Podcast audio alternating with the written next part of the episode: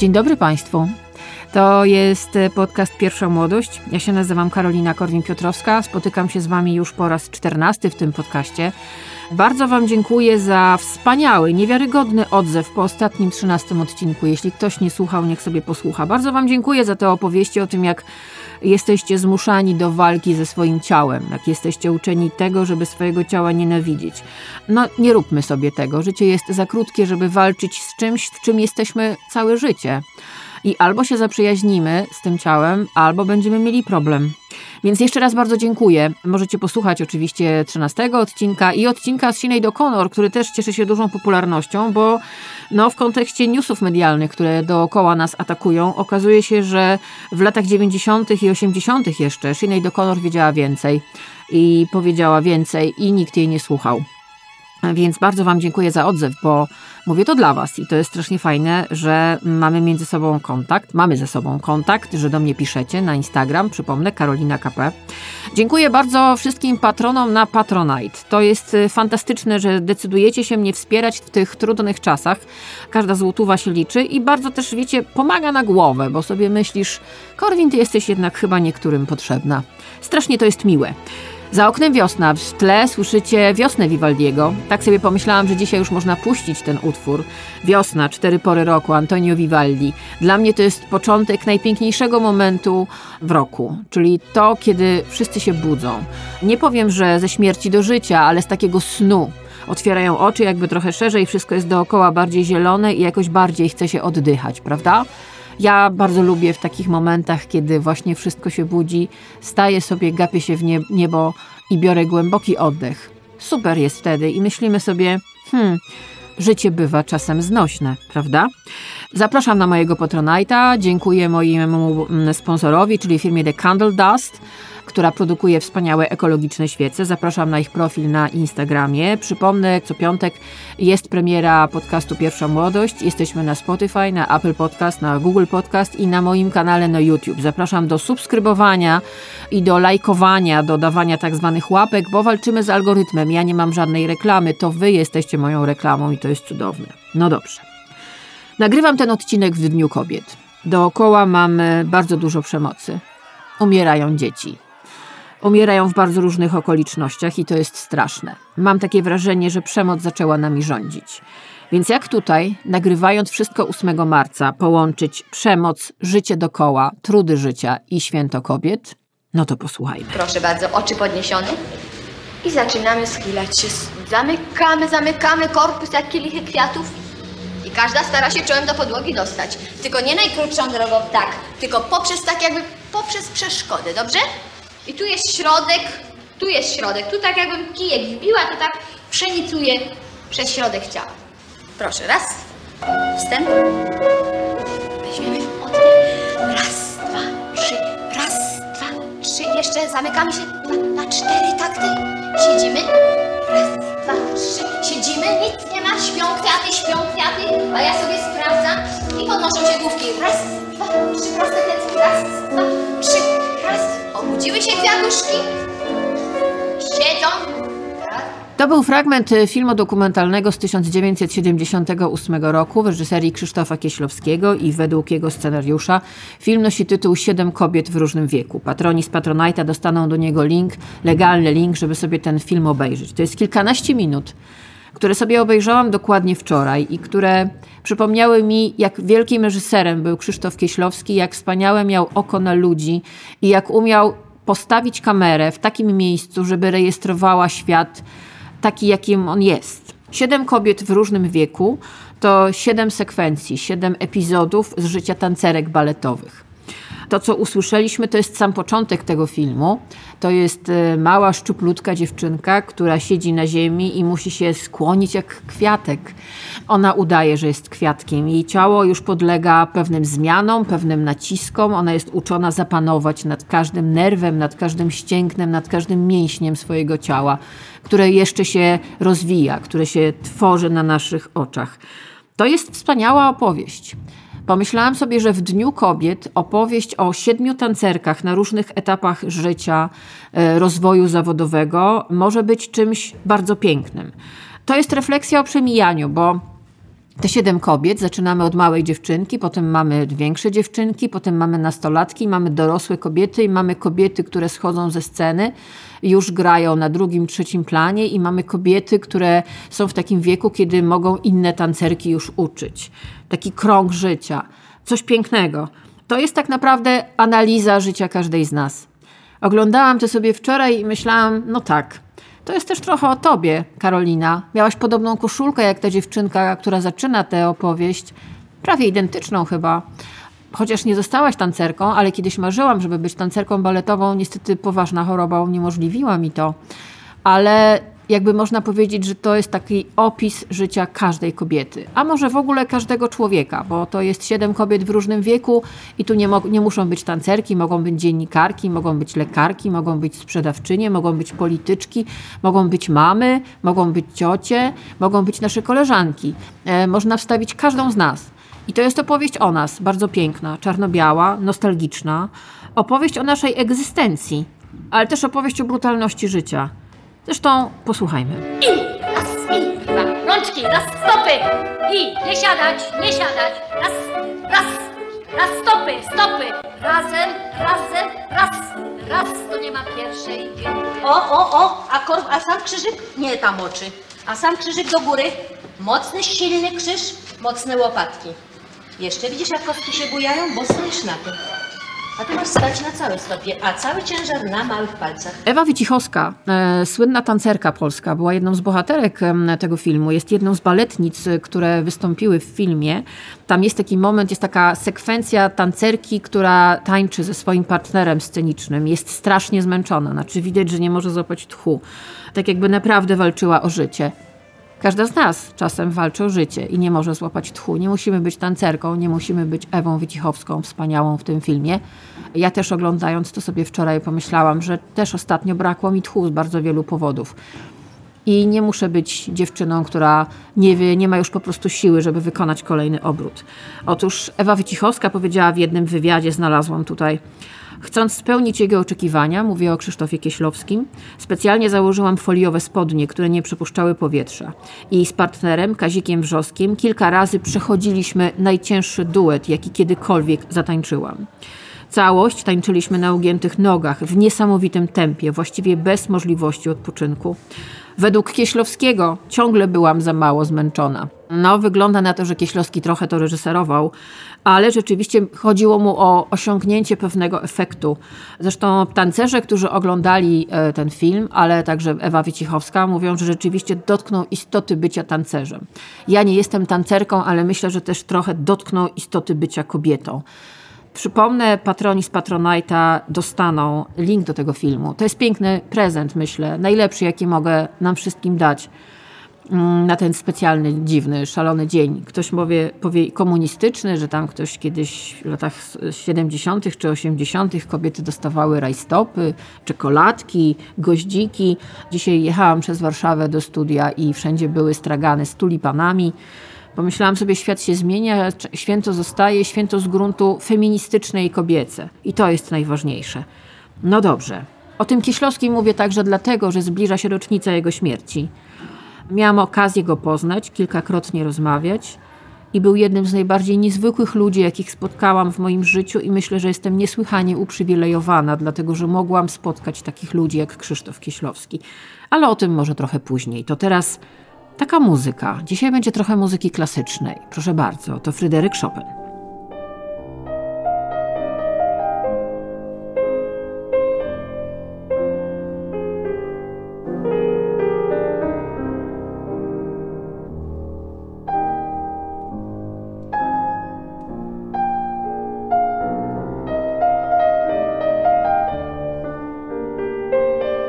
Ta muzyka, czyli Nocturne 13 c-moll op. 48 numer 1, rozbrzmiewa w filmie Damiana Kucura pod tytułem Chleb i sól. Ten film jest w kinach, możecie go, mam nadzieję, gdzieś złapać blisko swojego miejsca zamieszkania. On pewnie niedługo wejdzie w streaming i z ogromną radością Was o tym poinformuję. Na początku tego podcastu mówiłam o tym, że jesteśmy otoczeni przez przemoc. Ja mam takie wrażenie, że przemoc zaczęła nami rządzić że już wszystkie granice upadły i że już nic, co ludzkie, nie jest dla nas ważne. Z drugiej strony są takie filmy jak Chleb i sól, które są analizą tego, co się z nami dzieje. Damian Kocur to jest e, młody człowiek, e, który kręci filmy już od dawna. Teraz zrobił swój pełnometrażowy debiut fabularny. Kręci filmy z aktorami amatorami. To jest opowieść wspaniała. To jest opowieść o istocie przemocy i o istocie konfliktu. Bohaterem tego filmu podczas upalnego lata, gdzie czas płynie leniwie i kiedy, jak jest się młodym człowiekiem, no to jak się wraca do rodzinnego miasteczka e, z Warszawy, gdzie się studiuje muzykę klasyczną, jest się pianistą, tak jak główny bohater tego filmu, Tymek. On jest studentem Warszawskiej Akademii Muzycznej i przygotowuje się do rozpoczęcia światowej kariery jako pianista. I przyjeżdża do swojego rodzinnego domu. I nagle on z tej Warszawy, zakładający czasami elegancki frak, żeby móc zagrać Chopina, na przykład ten Nocturn, który rozbrzmiewa teraz w tle, no przyjeżdża do rodzinnego miasta i spotyka ludzi, z którymi się wychował, siedział pod blokiem, wygłupiał się. Widzi dziewczyny, w których się podkochiwał, widzi miejsca, które chyba znał. Chodzi z nimi, tak się trochę tuła, tak się trochę obija, no bo są wakacje, jest lato, co zrobić z czasem. No i to miało być tylko na chwilę. Potem miał ruszyć na podbój Europy, a się okazuje, że zaczynają się dziać dziwne rzeczy. Jest y, kebab na osiedlu. Ten kebab prowadzony jest przez imigrantów. No i zaczyna się wokół tej kebabowni coś dziać. Nie zobaczycie tam krwi, nie zobaczycie tam brutalnych scen. Poczujecie, mam nadzieję, w filmie Chleb i sól Damiana Kocura, gdzie jest źródło zła. I jak to zło bardzo delikatnie, niepostrzeżenie wkrada się w nasze mózgi. Wchodzi pod naszą skórę, jest jak taki chip, który mamy przyczepiony na zawsze. Każdy z nas ma w sobie pierwiastek zła, o tym jest ten film. Pytanie, kiedy go uruchomi? Wspaniałe to jest. W roli głównej w tym filmie występuje aktor amator, muzyk zresztą wspaniały. Miałam okazję go poznać, Tymoteusz Bies, taki przystojny chłopak z małego miasteczka. Jak go oglądałam, myślałam o Andrzeju Bursie, który mm, mówił, że pieprzy małe miasteczka. To jest dosłowny cytat z niego. Pomyślałam o tym, że Damian Kocur wie, jak te małe miasteczka funkcjonują i wie, jak funkcjonują takie osiedla i takie kumpelskie grupy. Oglądałam ten film i myślałam sobie o tym, co się dzieje dokoła. Oglądałam go w zeszłym roku dwa razy, w tym roku obejrzałam go na premierze. To jest film, którego twórca dostał też e, Orła kilka dni temu na rozdaniu polskich nagród filmowych. Damian Kocur to jest takie nazwisko, które bardzo bym prosiła, żebyście zapamiętali. No bo rzeczywiście skomponował niesamowitą opowieść. Tak jak idealnie skomponowane są nokturny Chopina i ta muzyka Chopina, która rozbrzmiewa w tym filmie, tak ten film jest wspaniale skomponowany i myślę, że szalenie rezonuje z tym, co mamy za oknem, tym, co mamy w mediach, tymi tragediami, które są dookoła nas, bo to jest opowieść o nas, chociaż Myślimy, że dzieje się w jakimś małym miasteczku i bohaterem jest chłopak, który przyjeżdża na, na wakacje z Warszawy. Mm, do miejsca, które myślał, że zna, ale otworzyła się tam kebabownia. No właśnie. Damian Kocur to wielkie nazwisko polskiego kina, zapamiętajcie to. Ten film, o którym wam mówię, to Chleb i sól. Zresztą posłuchajcie. A ty co, na stałe tu zostajesz? Nie, jak na stałe. Wiesz, na, na wakacje przyjechałem. Na wakacje, a to elegancko. Ty, a to piano co jest na chacie, nie? No. Wujek ono jest, nie jest nastrojone? Nie.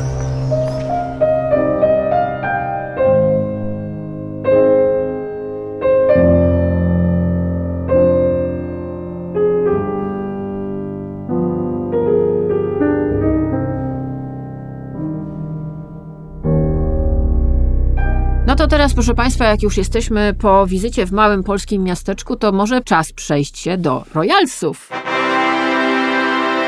No proszę Państwa, pamiętacie jeszcze o księżnej Fergi? Haha! Dużo się o royalsach ostatnio dzieje. Książę Harry znowu udzielił kolejnych wywiadów. Oczywiście wszystko w imię chronienia swojej prywatności. No nie wygląda to najlepiej. Już nawet mu niektórzy piszą otwarcie w brytyjskiej prasie. Czytałam taki felieton w The Times. Harry, my już naprawdę wszystko o tobie wiemy i może naprawdę nie chcemy tego słuchać.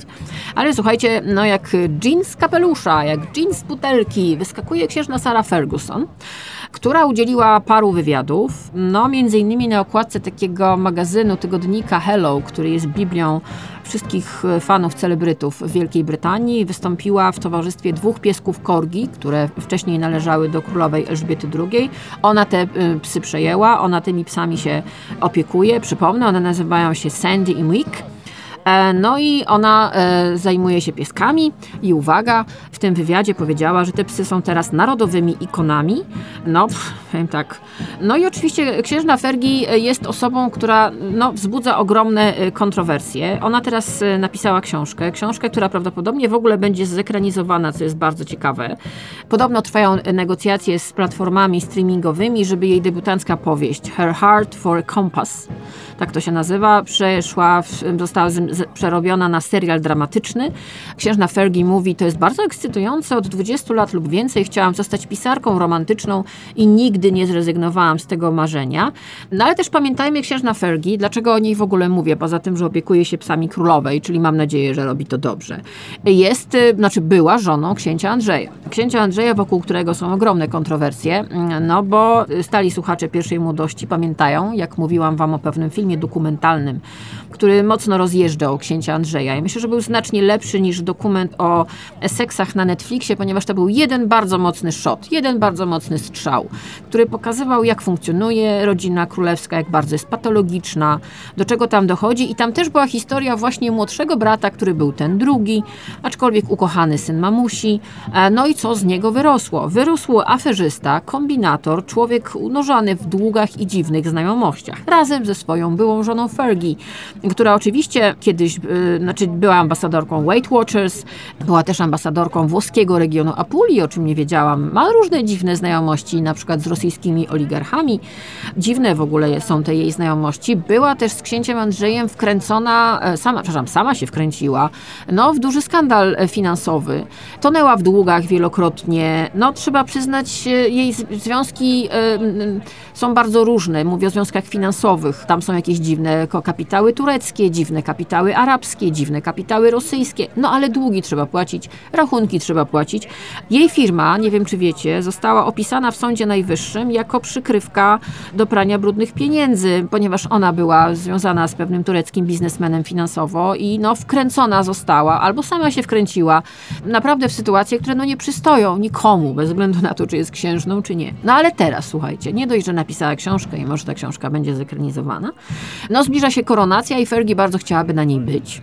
Brytyjskie media, które są bardzo złośliwe, piszą wprost, no, robi wszystko, żeby o sobie przypomnieć. Mm, Nawet pieski królowej są do tego dobrą okazją. Z małżeństwa z księciem Andrzejem ma e, dwie córki, przypomnę, Eugenia i Beatrice. Jedna urodziła się w 1988, druga w 1990, ale dwa lata później, w 1992, małżeństwo Fergie i Andrzeja się skończyło. I teraz dlaczego ona wraca? Poza tym, że bardzo chciałaby być na e, koronacji Karola III, em, no ale wraca, żeby obronić swojego męża, księcia Andrzeja. No i powiem wam, to się czyta lek- z lekkim przerażeniem, bo ostatecznie ze swoim mężem podobno rozstała się w 1996 roku. Dostała bardzo sowitą odprawę od królowej, 350 tysięcy funtów w gotówce i pół miliona funtów na zakup domu dla siebie i dzieci oraz miesięczny zasiłek. No bidulka. No ale była wiecznie na skraju bankructwa i w związku z tym z Andrzejem wkręcała się w różne dziwne sytuacje finansowe. I teraz ona mówi otwarcie, mówiąc o tym, no tych, te historie, które działy się wokół księcia Andrzeja, wokół jego dziwnych znajomości z Jeffreyem Epsteinem, który był słynnym naganiaczem, który dostarczał młode dziewczyny do rąk bogatych ludzi, nie tyle do rąk, do sypialni bogatych ludzi na całym świecie. Książę Andrzej wielokrotnie odwiedzał jego posiadłości na całym świecie, są zdjęcia, są dowody. Wręcz mówił o przyjaźni z Jeffreyem Epsteinem, mówił o przyjaźni z Ghislaine Ma- Maxwell, która była taką kurczę, nie wiem jak to nazwać, towarzyszką życia Epsteina, która teraz siedzi w więzieniu, ale też za krat udziela wywiadów. No sytuacja jest bardzo, bardzo brudna, znaczy to jest bardzo, zła, bardzo zły kontekst i nagle księżna Fergie, ona chyba trochę nie za mądra jest niestety, mówi tak, czytam, to naprawdę smutne widzieć, przez co przyszedł Andrzej. Nie mogę patrzeć na to, co się z nim dzieje. No, muszę przyznać, wow. No, powiem tak, rozumiem, że walczy o uwagę, co mnie też dziwi, bo pojawiły się plotki, słuchajcie, że ona ma wręczyć jeden z Oscarów, to już w ogóle, przepraszam, ale trochę mnie to przeraża. No ale cóż, okej, póki co ona nie jest wplątana w żaden skandal e, pedofilski, ma ma na koncie wiele skandalów finansowych, więc rozumiem, że w Hollywood taki greenwashing możemy robić. No ale 6 maja bardzo chciałaby się pojawić na koronacji Karola III. Słuchajcie, ma 63 lata, e, media brytyjskie, między innymi The Times, którego sobie poczytałam, Mówi, że w wieku 63 lat wygląda na to, że Sarah Ferguson dopiero zaczyna i to jest gdzieś optymistyczne i to jest fajne. No, ale cały czas broni księcia Andrzeja, e, z którym książę Król Karol, Boże, Król Karol ma ogromny problem. No więc zostawmy sobie dwór, zostawmy sobie royalsów, posłuchajmy. And what do you intend to do with your life? Get a cat and a parrot and live alone in single blessedness. No tak, proszę Państwa, kot i papuga to jest dobra opcja. Przy okazji zapraszam Was do oglądania Oscarów. Z- W nocy z niedzieli na poniedziałek na antenie Kanal Plus będę siedzieć i będę opowiadać razem z z Bożejem Chrapkowiczem, co będziemy oglądać na ekranie. Lubię tę robotę, fajne to jest naprawdę. Ale cofnijmy się o rok. Rok wcześniej, pamiętam, jak robiliśmy na żywo relacje z Oscarów, no to proszę Państwa, co to przykryło? Czy Wy w ogóle pamiętacie, kto, ten, kto te Oscary wygrał? Haha, nie, nie pamiętacie, bo wiecie, co się stało. Stało się to, że Will Smith wszedł na scenę i zdzielił po twarzy Chrisa Rocka. The Oscar goes to. The Oscar goes to. And the Oscar goes to. The Oscar goes to. And the Oscar goes to. And the Oscar goes to. And the Oscar goes to. No i teraz po roku, równo po roku, Chris Rock przerywa milczenie i atakuje Willa Smitha. Na szczęście on nie prowadzi tej uroczystości, chyba się oni do tej pory jakoś, nie wiem, chyba nie spotkali. Ale przypomnę, to była 94. zeszłoroczna e, uroczystość rozdania Oscarów, gdzie w pewnym momencie Chris Rock zażartował z żony e, Willa Smitha. No i teraz po roku Chris Rock mówi tak, że Jada Pinkett Smith zraniła Willa Smitha bardziej niż on. Wręcz powiedział coś takiego, ludzie pytają, czy to bolało. To nadal boli. Czasem w uszach brzmi, brzmi mi summertime, ale nie jestem ofiarą. Nie zobaczycie mnie płaczącego na kanapie w programie Offrey. To się nigdy nie wydarzy, mówi Chris Rock. On to mówi w swoim stand-upie, który można oglądać e, na jednym serwisie streamingowym. I on mówi, wręcz atakuje Willa Smitha też w taki sposób, znaczy dość mądry, bo rzeczywiście mówi, że Will Smith stosuje tak zwane selektywne oburzenie. Robi z siebie oczywiście ofiarę, no i mówi otwarcie po raz pierwszy o tym, że życie małżeńskie Willa Smitha i jego żony nie jest też idealne i no, Bara o tym zresztą opowiadała, że jego żona, Jada Pinkett, y, y, zdradzała go wielokrotnie, spała z synem jego przyjaciela i on o tym wie i był upokorzony na oczach całej Ameryki. I Chris Rock mówi tak, zwykle bym o tym nie mówił, no ale wszyscy z niego drwili, a kogo uderzył? Mnie, tak powiedział Chris Rock. No i oczywiście tam było też trochę wulgaryzmów, ale myślę, że w kontekście tego, co będzie za chwilę, rozdanie Oscarów 95, przypomnę, film Jerzego Skolimowskiego pod tytułem IO jest nominowany do Oscara w kategorii najlepszy film obcojęzyczny, Deszcz Orłów, polskich nagród filmowych na niego spadł i bardzo dobrze, bo to był skandal, że ten film został w ogóle pominięty w werdykcie Festiwalu Polskich Filmów Fabularnych w Gdyni. To była skandaliczna decyzja, więc Orły wyrównały jakby tę sytuację, pokazując, że są nagrodą chyba jednak bardziej merytoryczną. Mm, Więc czekamy na tę noc i ja bym bardzo chciała, żeby tej nocy nie było znowu takiej afery, bo my nie pamiętamy, kto wygrał zeszłoroczne Oscary, ale my pamiętamy, że Will Smith zdzielił po pysku, za przeproszeniem, Chrisa Rocka. To jest trochę tak, jak ktoś odbiera nagrodę i chce zrobić na siłę skandal. Chyba wie o tym, że jak wychodzi i robi takie rzeczy, to potem wszyscy inni, którzy weszli na tę scenę, są nieważni, bo do publiczności, do ludzi przedostaje się to wydarzenie. Tak jak na przykład właśnie uderzenie kogoś w twarz. No właśnie. A propos tej przemocy, która jest wokół nas, a propos tego, że słowa bolą, e, co powiedział zresztą Chris Rock. Słowa ranią, musisz uważać, co mówisz, bo słowa ranią. Każdy, kto powtarza, że słowa bolą, nie dostał nigdy w twarz, to jest cytat z Chrisa Rocka. No to a propos tej przemocy, która jest wokół nas. Posłuchajmy jeszcze trochę fragmentu innego filmu dokumentalnego w reżyserii Krzysztofa Kieślowskiego. W którym roku się urodziłeś? Kim ty jesteś? A co jest dla ciebie najważniejsze? Czego byś chciał? Ja mam dwa lata. Kim ty właściwie jesteś? Taki palce. A czego byś chciał? Mieć. A kim ty jesteś? Maluszkiem. A co byś ty chciał? Być samochodem syrenką. A kim jesteś? Nie wiem. A co byś chciała? Malować konie.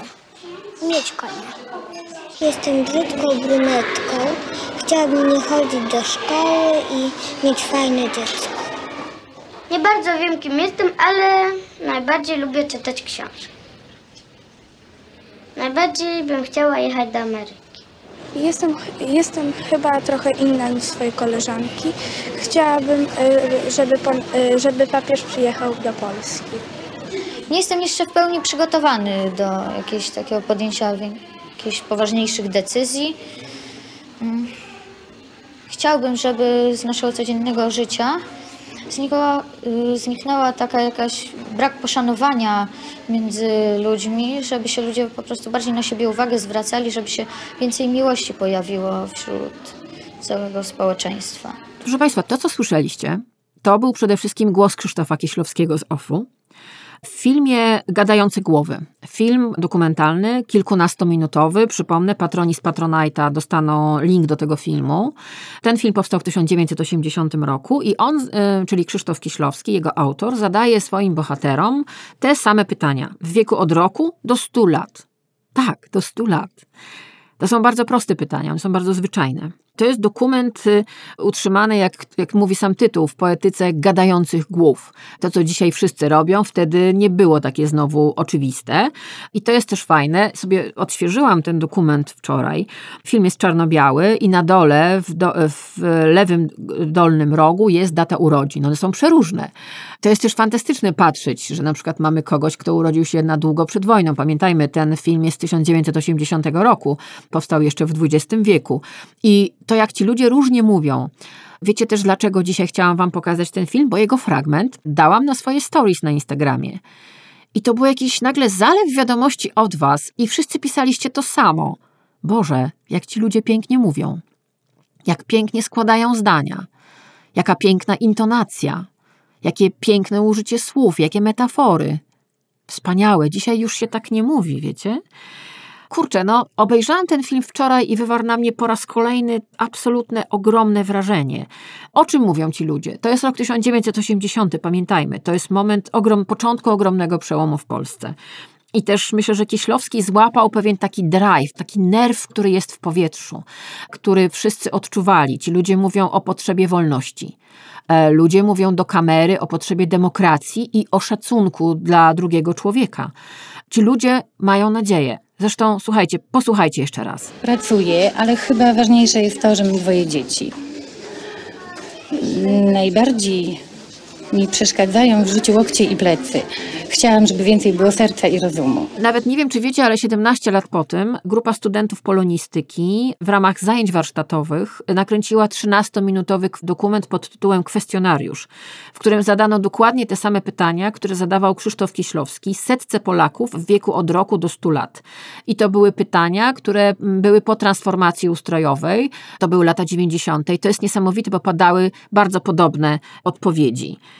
To może jeszcze posłuchajmy raz. Jestem humanistą, zarówno z zawodu, jak i z przekonania, że najważniejszą rzeczą jest poszanowanie prawa człowieka do zachowania jego światopoglądu i godności osobistej. Chciałabym, najwięcej pragnę spokoju dla świata i dla siebie. Wspaniały jest to film, który stawia absolutnie fundamentalne pytania i te odpowiedzi są bardzo proste i bardzo naturalne. To są bardzo ważne pytania, które myślę każdy z nas może sobie zadać. Kurczę blade, kiedy ostatnio raz zadawaliśmy sobie te pytania?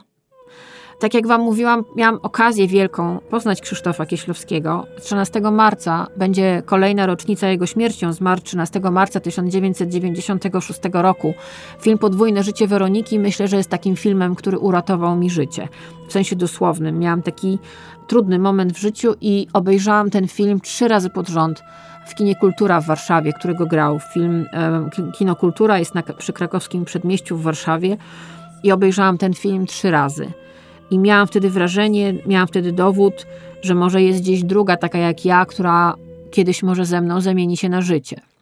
Krzysztof Kieślowski to jest taki reżyser, który myślę, że mnie bardzo ukształtował, a jego dokumenty, bo on zaczął od dokumentu, co zresztą widać w jego całej twórczości, on miał oko na człowieka. Lubił słuchać, lubił się patrzeć, lubił się zastanawiać i nie wstydził się myśleć. I dlatego jak teraz oglądam dokument Gadające Głowy, przypomnę, patroni z Patronite'a mają do niego link, to pomyślałam sobie, kurczę, Jakie to wszystko jest piękne, jakie to wszystko jest proste. Słuchajcie mądrych ludzi, słuchajcie ludzi, którzy mają więcej do powiedzenia od was. Czasami warto jest posłuchać, nie tylko gadać. No właśnie. No to teraz na koniec. Nie wiem, czy niektórzy się na mnie nie obrażą teraz, ale wiecie co? Taki jest dzisiaj dzień, taki mam trochę nastrój. A Instagram algorytm podrzucił mi fragment filmu, o którym mogę powiedzieć jednoznacznie, że obok podwójnego życia Weroniki Krzysztofa Kieślowskiego obejrzałam go mniej więcej w tym samym czasie. Obejrzałam go w kinie i to był taki film, który przewrócił moje życie, przewrócił do góry nogami moją szafę i pomyślałam sobie, że w kontekście tego, że paryski Fashion Week się skończył, czy, albo nawet trwa, ja już nawet nie wiem, w kółko Instagram podrzuca mi jakieś pokazy mody, jeden absurdalny, absurdalniejszy od drugiego, to chciałam wam puścić fragment i opowiedzieć wam o filmie, który mnie zmienił i który myślę, że kiedy dzisiaj nagrywam ten podcast w Dniu Kobiet, jest jedną z najpiękniejszych opowieści o kobiecie i o jej emocjach, jakie w ogóle kiedykolwiek nakręcono. Szkoda, że ręką tego reżysera, ale ja nie potrafię zapomnieć o tym, że filmy Woody'ego Allena mnie ukształtowały. Ja jestem z pokolenia, które pewnych rzeczy nie wiedziało i oglądały po prostu jego filmy. Annie Hall. Annie Hall to ja. Posłuchajcie. I love what you're wearing. Oh, you do? Yeah? Oh, well, it's, uh, this is, uh, this Ty's present from Grammy Hall. Who? Grammy? Grammy Hall? Yeah, my Grammy. You, what are you kidding? What'd you do, grow up in a Norman Rockwell painting? Diane Keaton. No właśnie, to jest rok 1977, wtedy premierę miał ten film. Dzisiaj Woody Allen jest przede wszystkim znany jako człowiek, który dopuścił się czynów karygodnych wobec swoich adoptowanych i nie tylko adoptowanych dzieci. Dokument, który możemy oglądać cały czas e, w serwisach streamingowych, jest porażający, ale ja bym się chciała cofnąć do momentu, kiedy on jeszcze był początkującym reżyserem, który wychodził ze stand-upu i wychodził z kabaretu i zrobił film ze swoją ówczesną dziewczyną. Ten film to Annie Hall. Tam jest taki cytat. Przychodzi stary facet do psychiatry i mówi: Panie doktorze, mój brat zwariował, myśli, że jest kurą. A lekarz na to: To czemu nie odda go pan do wariatkowa? A facet: Oddałbym, ale potrzebuje jajek. Czytałam sobie cytaty z tego filmu i pomyślałam sobie, że naprawdę dzisiaj, idąc tropem Macieja Sztura, który prowadził Galę Orłów i powiedział, że seksmisja dzisiaj by nie przeszła, to myślę, że filmy Woody'ego Allena też by nie przeszły, ale może ja jestem niepoprawna politycznie i nie mogę zapomnieć o tym, że Annie Hall mnie ukształtowała.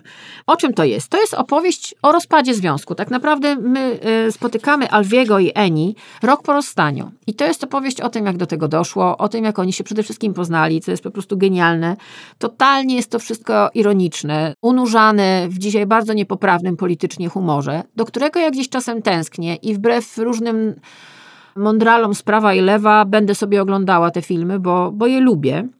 Jest to totalnie inteligentne. To jest osadzone, cała ta opowieść, która jest w Annie Hall, jest opowieścią oczywiście o walce płci, o rywalizacji, o tym, że różne mamy emocje i o tym, że na przykład masturbacja to seks z kimś, kogo naprawdę kochasz. Uważam, że to jest zdanie, które powinno być na niektórych koszulkach. Na przykład jeszcze na przykład jest coś takiego. Jeszcze taki cytat z tego filmu. Dobrzy ludzie śpią lepiej od złych, ale ci drudzy bawią się znacznie lepiej, kiedy nie śpią. Ja nie wiem, czy dzisiaj mogłoby paść takie zdanie. Obawiam się, że nie. No i Annie Hall. Dziewczyna, która, no wtedy Diane Keaton, bardzo młoda, była dziewczyną Woody'ego Allena. Oni się bardzo kochali, ale też no, kochali się, rozstawali się. Ten związek był delikatnie mówiąc dynamiczny, ale ten film jest rodzajem listu miłosnego do Diane Keaton. Jest jedną z najlepszych ról, jakie ona kiedykolwiek zagrała i myślę, że Annie Hall to jest najlepszy film Woody'ego Allena. To jest film dla mnie absolutnie wybitny, który e, mimo różnic, jakie dzisiaj mamy i mimo różnego podejścia, jakie mamy na przykład do Woody'ego Allena, ja bym ten film polecała, żeby go obejrzeć, bo to jest film o tym, jak te płcie ze sobą rywalizują i no jak trudno czasami jest się dogadać. Może czasem zobaczyć coś warto, co nie jest poprawne politycznie. Kolejny cytat z filmu Annie Hall. Jedyne, czego żałuję w życiu, to tego, że nie jestem kimś innym. Hmm? Dobre, nie? A propos tego, co się dzieje dookoła nas i a propos wiary. Będzie moim psychoanalitykiem jeszcze przez rok. Potem jadę do Lourdes. Hmm? No i szafa, bo mówiłam wam, że szafa. Szafa Annie Hall, czyli koszulę dziadka, krawaty, męskie kamizelki, kapelusze, luźne spodnie, żadnych obcisłych tak zwanych kobiecych strojów. To wszystko gdzieś tam przełamane jakimś męskim paskiem czy marynarką. Wiecie, ja e, nosiłam za duże marynarki mojego taty, zanim to się stało modne, bo mm, ja nie miałam swojego taty na co dzień, ale on czasami dawał mi swoje piękne, wełniane, szyte na miarę marynarki i ja w tych marynarkach chodziłam. Koledzy i koleżanki się ze mnie śmiali, ale kiedy zobaczyłam Annie Hall, pomyślałam sobie tak, to jest dokładnie to, co chcę mieć na sobie i to, co chcę mieć w, w szafie. Mówiłam wam jakiś czas temu o Sinead O'Connor i o tych ciężkich butach, to było dokładnie to, więc moja szafa została zrewolucjonizowana i zbudowana przez trzy bohaterki filmowe, przez y, Sally z filmu Kiedy Harry poznał Sally, zapraszam do pierwszego odcinka podcastu, przez Sinead O'Connor, jej buty, jej spodnie i marzenie o łysej głowie, takiej na krótko ściętej, no prawie mi się udało. No i te męskie elementy, elementy w kobiecej garderobie, które miała na sobie Annie Hall. Cała historia tych kostiumów, które są w tym filmie, no to jest historia szafy Diane Keaton, bo ona przyszła w swoich rzeczach i okazało się, że one po lekkim liftingu pod kątem kamery, żeby to wyglądało, po prostu no stały się takim statementem. To jest ubranie, które do dziś jest ubraniem ikonicznym. To jest y, ubranie, które przerabiane jest na różne sposoby. Ten styl Annie Hall jest przerabiany na różne sposoby przez różne domy mody, a ja mam szafę dokładnie taką. I dlatego chciałam wam przywrócić trochę ten film. Ja, ja wiem, co zrobił Woody Allen i nie mam żadnych złudzeń. Nie oglądałam film dokumentalny o nim, ten serial dokumentalny. Przerażona, porażona i było mi wstyd i było mi gorzko, ale nie poradzę nic na to i nie będę przepraszała za to, że Annie Hall to jest film, który mi przede wszystkim pokazał, jakie są kobiety, i pokazał mi, jak fajnie mogą chodzić ubrane. I to był pierwszy film z Diane Keaton, w którym po prostu pomyślałam sobie, ależ to jest świetna babka, chciałabym z nią kiedyś pójść na kawę. Polecam wam jej Instagrama i polecam wam jej styl ubierania do dzisiaj. Kobieta bez wieku, wiecznie radosna. I myślę, że on że wtedy Woody Allen złapał coś takiego, pokazał na zawsze, utrwalił to na taśmie filmowej, taki niesamowity, porażający, lekki, nienachalny wdzięk Diane Keaton. Posłuchajcie, bo Zdarzyło wam się kiedyś powiedzieć la di da? Proszę bardzo. La di da, la di da, la la. No właśnie, w smutnych chwilach, kiedy czasami jest mi źle, naprawdę la di da.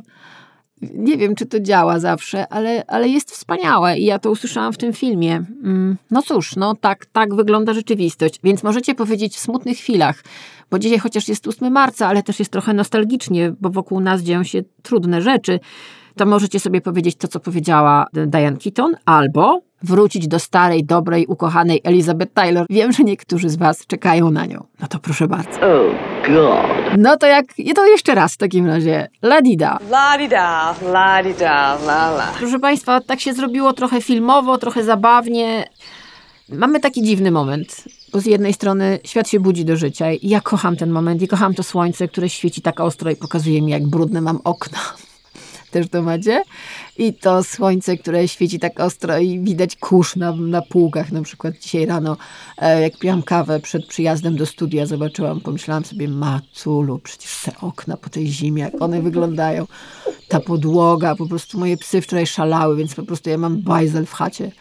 I ten kurz jest jakby taki większy i myślę sobie, no dobra, no wiosna, no trzeba się wziąć do roboty, ale lubię to słońce. Te ptaki, które tak śpiewają cudownie, to jest genialne. I te zwierzęta, które gubią sierść. Ja wiem, że tu jest dużo zwierzolubów. E, uwielbiam wasze reakcje na mój odcinek o zwierzętach, więc pewnie wiemy, co mamy na chacie, nie? Po prostu wchodzimy do domu i pff. Nie wiem, czy wiecie, ale mm, sierść z psów jak się, i kotów, jak się wyczesze, można oddać ptakom, żeby sobie łatały gniazda. Ja to robię regularnie. To jest bardzo ważne, bo ptaki teraz łatają gniazda, one za chwilę się wezmą tam mocno do roboty i będą składać jajeczka. Więc fajnie, żeby te gniazda były bezpieczne, ciepłe, e, żeby im było fajnie. Właśnie, one teraz tak pięknie śpiewają. Stoję sobie w parku, zrobiłam to wczoraj i stałam w parku i słuchałam, jak śpiewały i pomyślałam sobie, och, to jest tak piękne.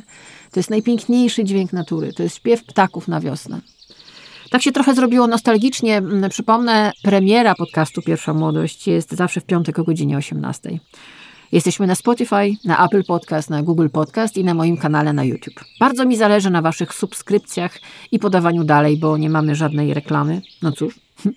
Ale i tak idzie świetnie, więc bardzo Wam dziękuję. Mm, Zapraszam też na mój Patronite. E, W bio do mojego profilu na Instagramie jest link do Patronite'a i do Buy Coffee. Jak jesteście zainteresowani, będzie mi bardzo miło, bowiem praca za darmo nie jest fajną pracą. Fajnie, kiedy się czuję doceniona. To jest dla mnie tak cholernie ważne. Pierwszy raz robię tego Patronite'a. Długo nie mogłam się do niego przekonać. A okazuje się, że to jest też pewien test, pewien sprawdzian. Bardzo dziękuję, że zdaję go dzięki Wam. No i co? Czytajcie newslettery, uważajcie. A, a propos do patronów, bardzo ważna rzecz. Sprawdzajcie dokładnie posty na moim profilu na Patronite, bo tam są informacje też dla Was. Żebyście się nie gubili, tyle Wam powiem. Na szczęście jest Basia z Patronite'a, bardzo Ci dziękuję Basiu, po, mo- mogę jej podziękować publicznie, bo rzeczywiście dzięki niej to jakoś działa, no bo niektórzy są troszeczkę bardziej roztargnieni niż ja. Ale okej. Więc zapraszam na mojego Patronite'a. Jeszcze raz dziękuję mojemu wspaniałemu sponsorowi The Candle Dust, czyli producentowi ekologicznych świec. Ekologicznych z wosku, a nie z jakiegoś syfu, który nas truje. Więc jeżeli już palić, to tylko Candle Dust. Zdecydowanie. Co ja jeszcze muszę powiedzieć? Wiosna idzie. To był podcast Pierwsza Młodość, który przygotowała i prowadziła Karolina Korwin-Piotrowska. Moim wydawcą jest Mateusz Nowoset. Nagrywaliśmy w studiu Silent Scream. Naszym sponsorem jest firma The Candle Dust. I na koniec, Pamiętajcie, żeby zadawać sobie czasami ważne pytania. Niedługo będzie kolejna rocznica jego śmierci. Zmarł 13 marca 1996 roku i ja bardzo płakałam tego dnia. Poczułam naprawdę, jakby zmarł ktoś bliski, a on, Krzysztof Kieślowski, zadawał bardzo proste pytania. I ja myślę, że żeby jakoś przetrwać, czasem musimy sobie te proste pytania zadać. Posłuchajcie ich i słyszymy się za tydzień. Dziękuję. W którym roku się urodziłeś? Kim ty jesteś? A co jest dla ciebie najważniejsze? Czego byś chciał?